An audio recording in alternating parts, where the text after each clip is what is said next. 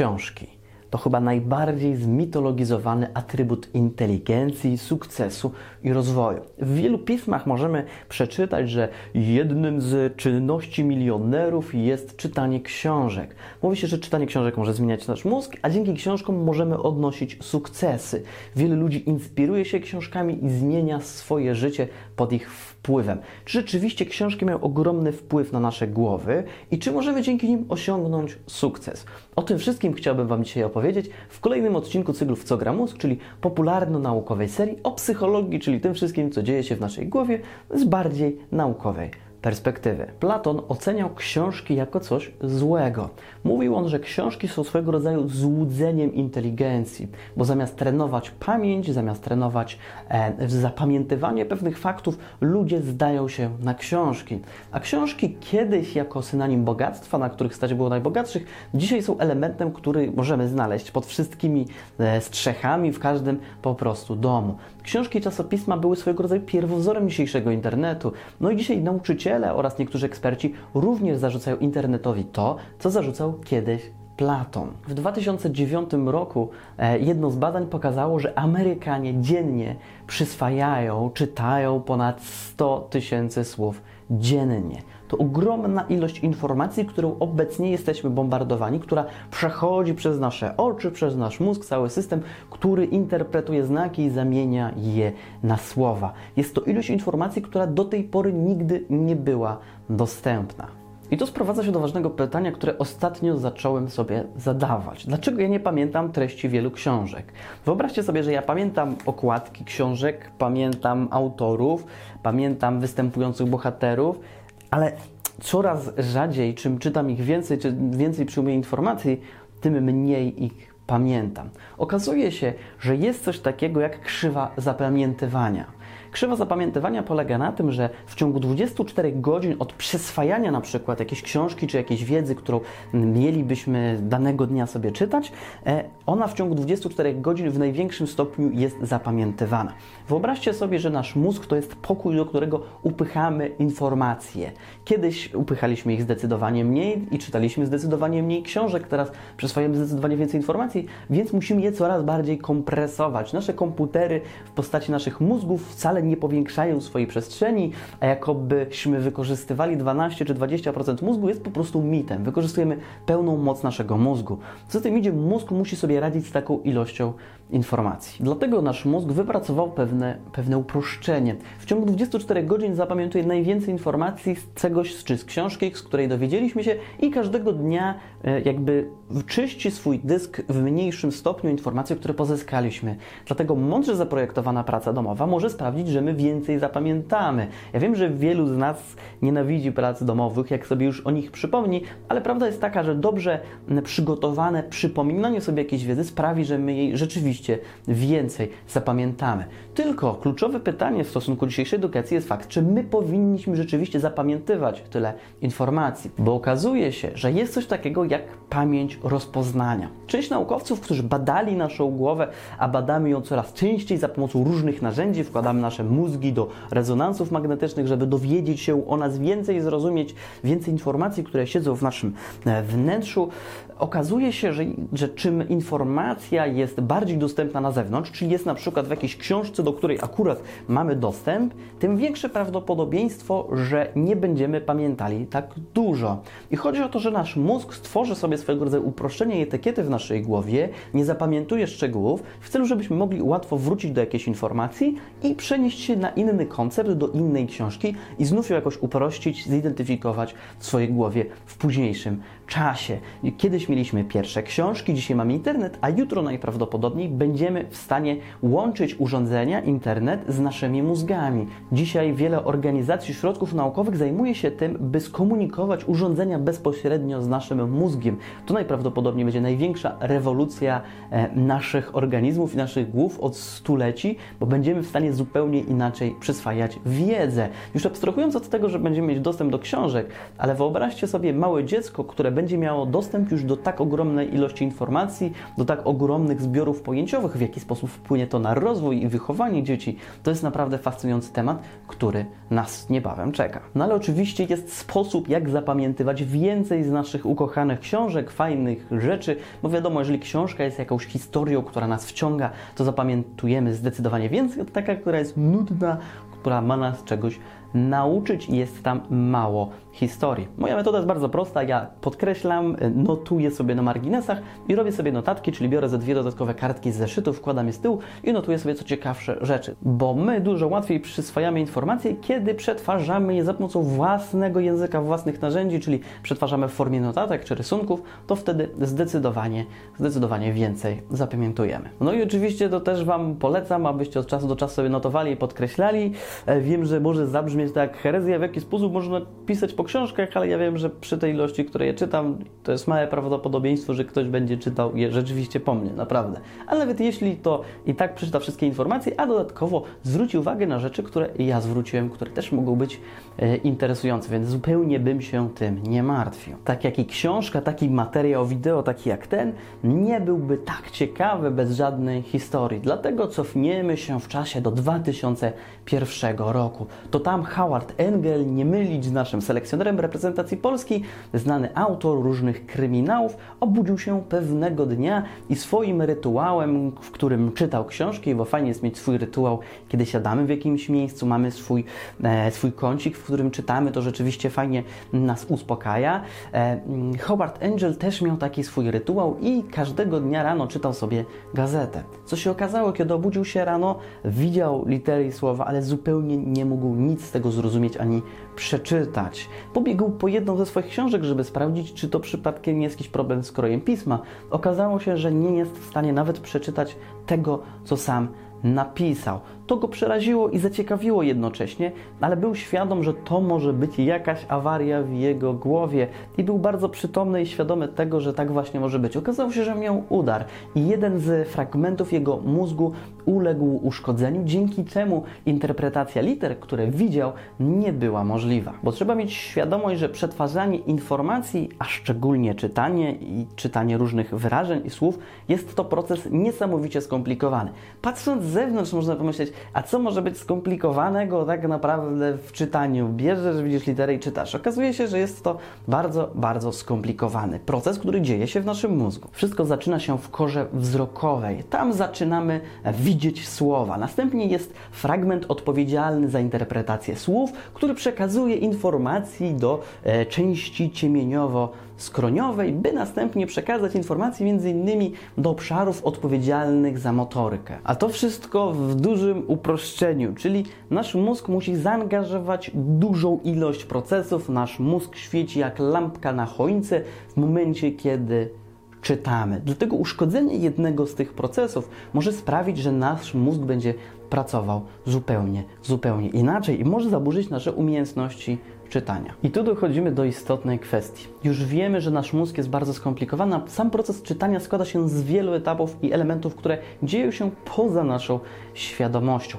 Mózgi osób, które są analfabetami i nie czytają, e, różnią się trochę od mózgów ludzi, którzy regularnie czytają. A tak naprawdę chodzi o rozwój świadomości fonologicznej, czyli możliwości dzielenia słów na sylaby. Okazuje się, że ta umiejętność sprawia, że my korzystamy z bardziej słownictwa, z bardziej wyszukanych zdań, z bardziej wyszukanych słów co wpływa korzystnie na naszych odbiorców. Zwykle dzięki korzystaniu z bardziej bogatego słownictwa jesteśmy uznawani za bardziej inteligentnych, bardziej rzetelnych e, i bardziej godnych zaufania. Oczywiście sztuczką erystyczną jest korzystanie z mądrego słownictwa, z której korzystają coache.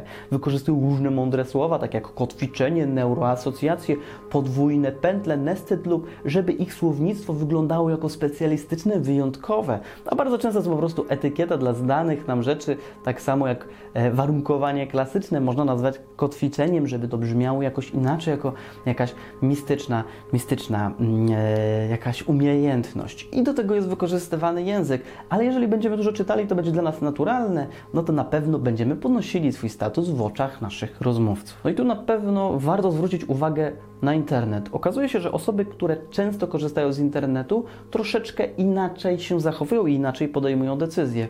Osoby, które często korzystają z internetu, podejmują decyzje szybciej, są bardziej pewni w podejmowaniu decyzji niż osoby, które ich nie podejmują wcale. Niestety badanie nie pokazuje nam, czy te decyzje są dobre i czy one są skuteczne, ale wiemy, że na pewno dzieją się one szybciej. Warto zwrócić uwagę na fakt, że osoby, którym powiedziano, że przez dwa tygodnie mają korzystać z internetu, te, które nie, nie korzystały z niego wcześniej, okazuje się, że ich umiejętności i ich mózgi związane z tymi umiejętnościami podejmowania decyzji zaczynają pracować bardzo podobnie. Czyli można się tego szybko nauczyć i szybko nabrać tej, mm, tej dzielności w podejmowaniu decyzji. Z tej perspektywy można by ocenić, że korzystanie z internetu wpływa korzystnie na podejmowanie decyzji i że to jest fajne. Ale oczywiście korzystanie z internetu i czytanie w internecie na przeróżnych portalach ma też swoje złe strony. Okazuje się, że osoby, które głównie pozyskują wiedzę z portali informacyjnych, skarżą się 7 razy częściej na fakt, że nie są w stanie zrozumieć, przypomnieć sobie, co właśnie przeczytały. Ale okazuje się, że korzystanie z tabletów czy Kindle w momencie, kiedy ludzie tylko i wyłącznie czytają jakąś książkę, już nie mają tego problemu i tak naprawdę zapamiętują tyle samo, ile osoby, które czytają klasyczne książki. Może być to związane z tym, że czytając na portalach jesteśmy bombardowani różnymi banerami, reklamami, ofertami, które są dookoła nas, a z drugiej strony mamy dostęp do wielu rozpraszaczy, jak social media, inne portale, linki. Możemy się przenosić w przeciwieństwie na przykład do jakichś czytników książek, czy po prostu książek papierowych, w których tych możliwości nie mamy. Rozpraszamy się mniej. A tak jak było w ostatnim filmie o filmach pornograficznych, internet oczywiście daje nam pełną paletę i możliwość dostępu do bezpłatnych tego typu materiałów. Okazuje się, że filmy pornograficzne po ich obejrzeniu dużo bardziej jesteśmy rozproszeni i trudniej przyswaja nam się informacje przez godzinę około po tym, jak te e, filmy widzieliśmy e, wcześniej. Czyli tych czynników, które nas rozpraszają, może być naprawdę dużo, dlatego warto jest zrobić swój własny kącik, mały rytuał, który pozwala nam każdego dnia, na przykład wieczorem, przeczytać kilka stron ulubionej książki. W kolejnym badaniu, niewielkim eksperymencie, naukowcy zauważyli, że osoby, które nauczyły się czytać we wczesnym dzieciństwie, ich mózgi troszeczkę pracują inaczej. Niestety nie wiemy, czy jest to jakaś e, korelacja, czy może związek przyczynowo-skutkowy, ale okazuje się, że osoby, które wcześniej nauczyły się czytać, trochę gorzej rozpoznają twarze na ulicach, trochę gorzej je zapamiętują, niż osoby, które mm, czytały później. Tak jak wspominam, to wcale nie musi być związane z książkami, ale może po prostu występować w tym samym czasie. Ale jest to ciekawa wskazówka, na którą chciałem Wam zwrócić uwagę, że czytanie książek wcale nie musi powodować samych korzyści, które są w naszym życiu. Więc wiemy, że czytanie wpływa na nasze słownictwo, rozwija sposób, w jaki się wypowiadamy, co pośrednio wpływa na nasz wizerunek. Czytanie również nas uspokaja. Te spotkania z książką sprawiają, że wydziela nam się melatonina na przykład, wieczorem łatwiej nam się zasypia, śpimy szybciej i głębokim snem. I to w dzisiejszych czasach, kiedy jesteśmy zabiegani, jakby jestem tego ofiarą, myślę, że wielu z Was również, to jest to bardzo istotny element, aby móc się przed snem wyciszyć. W przeciwieństwie na przykład do wertowania telefonów, czy na przykład gierek w telefonach, które również mogą nas rozpraszać i pobudzać nas emocjonalnie, co za tym idzie, gorzej śpimy, to takie książki mogą być naprawdę fajne, bo z jednej strony w stanie są e, polepszać nasz język, a z drugiej strony uspokajają nas, tonizują nas przed snem, co może być bardzo, bardzo istotne. Myślę, że jednym z popularniejszych badań, o których mogliście słyszeć, jest fakt, że czytanie książek wpływa na empatię, że bardziej wczuwamy się in, w innych, kiedy czytamy książki. I tak rzeczywiście jest, mamy kilka dowodów, które to pokazują. Nie jestem pewien, ale mogę przypuszczać, że w przypadku filmów, które nas wciągają, również mogą wpływać na to, że jesteśmy bardziej empatyczni. Ale co się okazuje, to przede wszystkim książki fabularne, które nas wciągają, sprawiają, że jesteśmy bardziej empatyczni i bardziej zapamiętujemy informacje, które się tam znajdują, no bo emocje oczywiście wpływają na zapamiętywanie e, pewnych, pewnych faktów. Ale co się okazuje, jeżeli czytacie nudne książki, które mają Was czegoś nauczyć i są po prostu samą wiedzą, no to wtedy ta empatia się nie pojawia. Więc czym bardziej fabularyzowane, tym empatii tej mamy więcej. Oczywiście można to uznać za efekt krótkotrwały. Nie ma dowodów na to, żeby twierdzić, że regularnie czytanie książek wpłynie na całkowity wpływ na naszą empatię, albo na przykład mogą być jakimś rodzajem terapii dla osób, które rzeczywiście z tym odczuwaniem empatii mogą mieć problem, odczuwają jej na przykład mniej. Niestety na ten temat, na ten moment nie dokopałem się do takich informacji. Myślę, że jednym z ciekawszych efektów jest to, że czytanie książek może wpływać na demencję i starzenie się naszego mózgu. Choroba Alzheimera również może w jakiś sposób reagować na to, że czytaliśmy w naszym życiu. Jak się okazuje, osoby, które czytały już od młodości i robiły to regularnie, regularnie wytężały swój umysł, to wpływało na choroby typu Alzheimer czy na starzenie naszego mózgu. Dzięki temu te choroby czy te degeneracje naszej, naszego mózgu były dużo łagodniejsze ale osoby, które już zachorowały albo miały pierwsze objawy tego typu, tego typu sytuacji, kiedy zaczynały regularnie czytać, niestety to nie miało takiego wpływu. Czyli to też pokazuje, że warto robić to w mniejszych ilościach, ale bardzo, bardzo regularnie.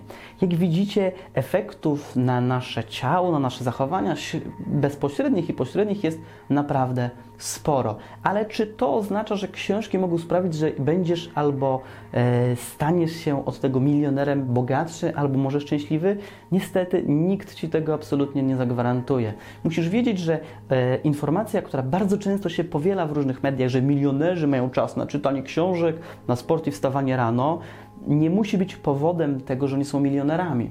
To może być efekt tego, że mają dużo pieniędzy i mają właśnie czas na tego typu spokojne rekreacje, które sprawiają, że rzeczywiście jesteśmy szczęśliwsi i miejscami oczywiście możemy być zdrowsi. Niestety książki nie są rewolucją, jak wszyscy byśmy tego chcieli. My byśmy chcieli, żeby e, siłownia szybko nas odchudzała, suplementy sprawiały, że jesteśmy piękni i wspaniali, a książki zmieniały z dnia na dzień nasze życie. Mam wrażenie, że książki to są bardziej cegiełki, z których możemy budować swój jakiś zamek, swój dom, ale do tego potrzeba dużo, dużo więcej materiałów, który który może być związany z naszym działaniem, niezależnie od tego, co chcielibyśmy zmienić w naszym życiu. Więc na pewno warto czytać książki, szczególnie przed snem. To przyniesie na pewno fajne efekty i ukoi nas przed snem, bo jestem przekonany, że w dzisiejszych czasach tego rzeczywiście nam brakuje, a widząc jak świat pędzi, jak ilość informacji wzrasta z każdego dnia, to może to być ważniejsze niż kiedykolwiek przedtem. Dziękuję Ci serdecznie za wysłuchanie tego materiału. Jestem ciekaw Twoich opinii i Twoich pomysłów na ten temat. Jeżeli masz inne pomysły na, na kolejne materiały, które mógłbym nagrać, to również proszę Cię o taką informację. Chcę Ci też dać znać, że jest to poziom audio materiału, który został opublikowany na YouTubie. Więc jeżeli chcesz widzieć i słyszeć więcej, bo na YouTubie publikuję więcej, to proszę subskrybuj mój kanał. Wystarczy, że wpiszesz Piotr Marszałkowski na YouTubie i zaraz mnie znajdziesz. Dziękuję Ci za wysłuchanie tego materiału audio i do usłyszenia już niebawem. Cześć!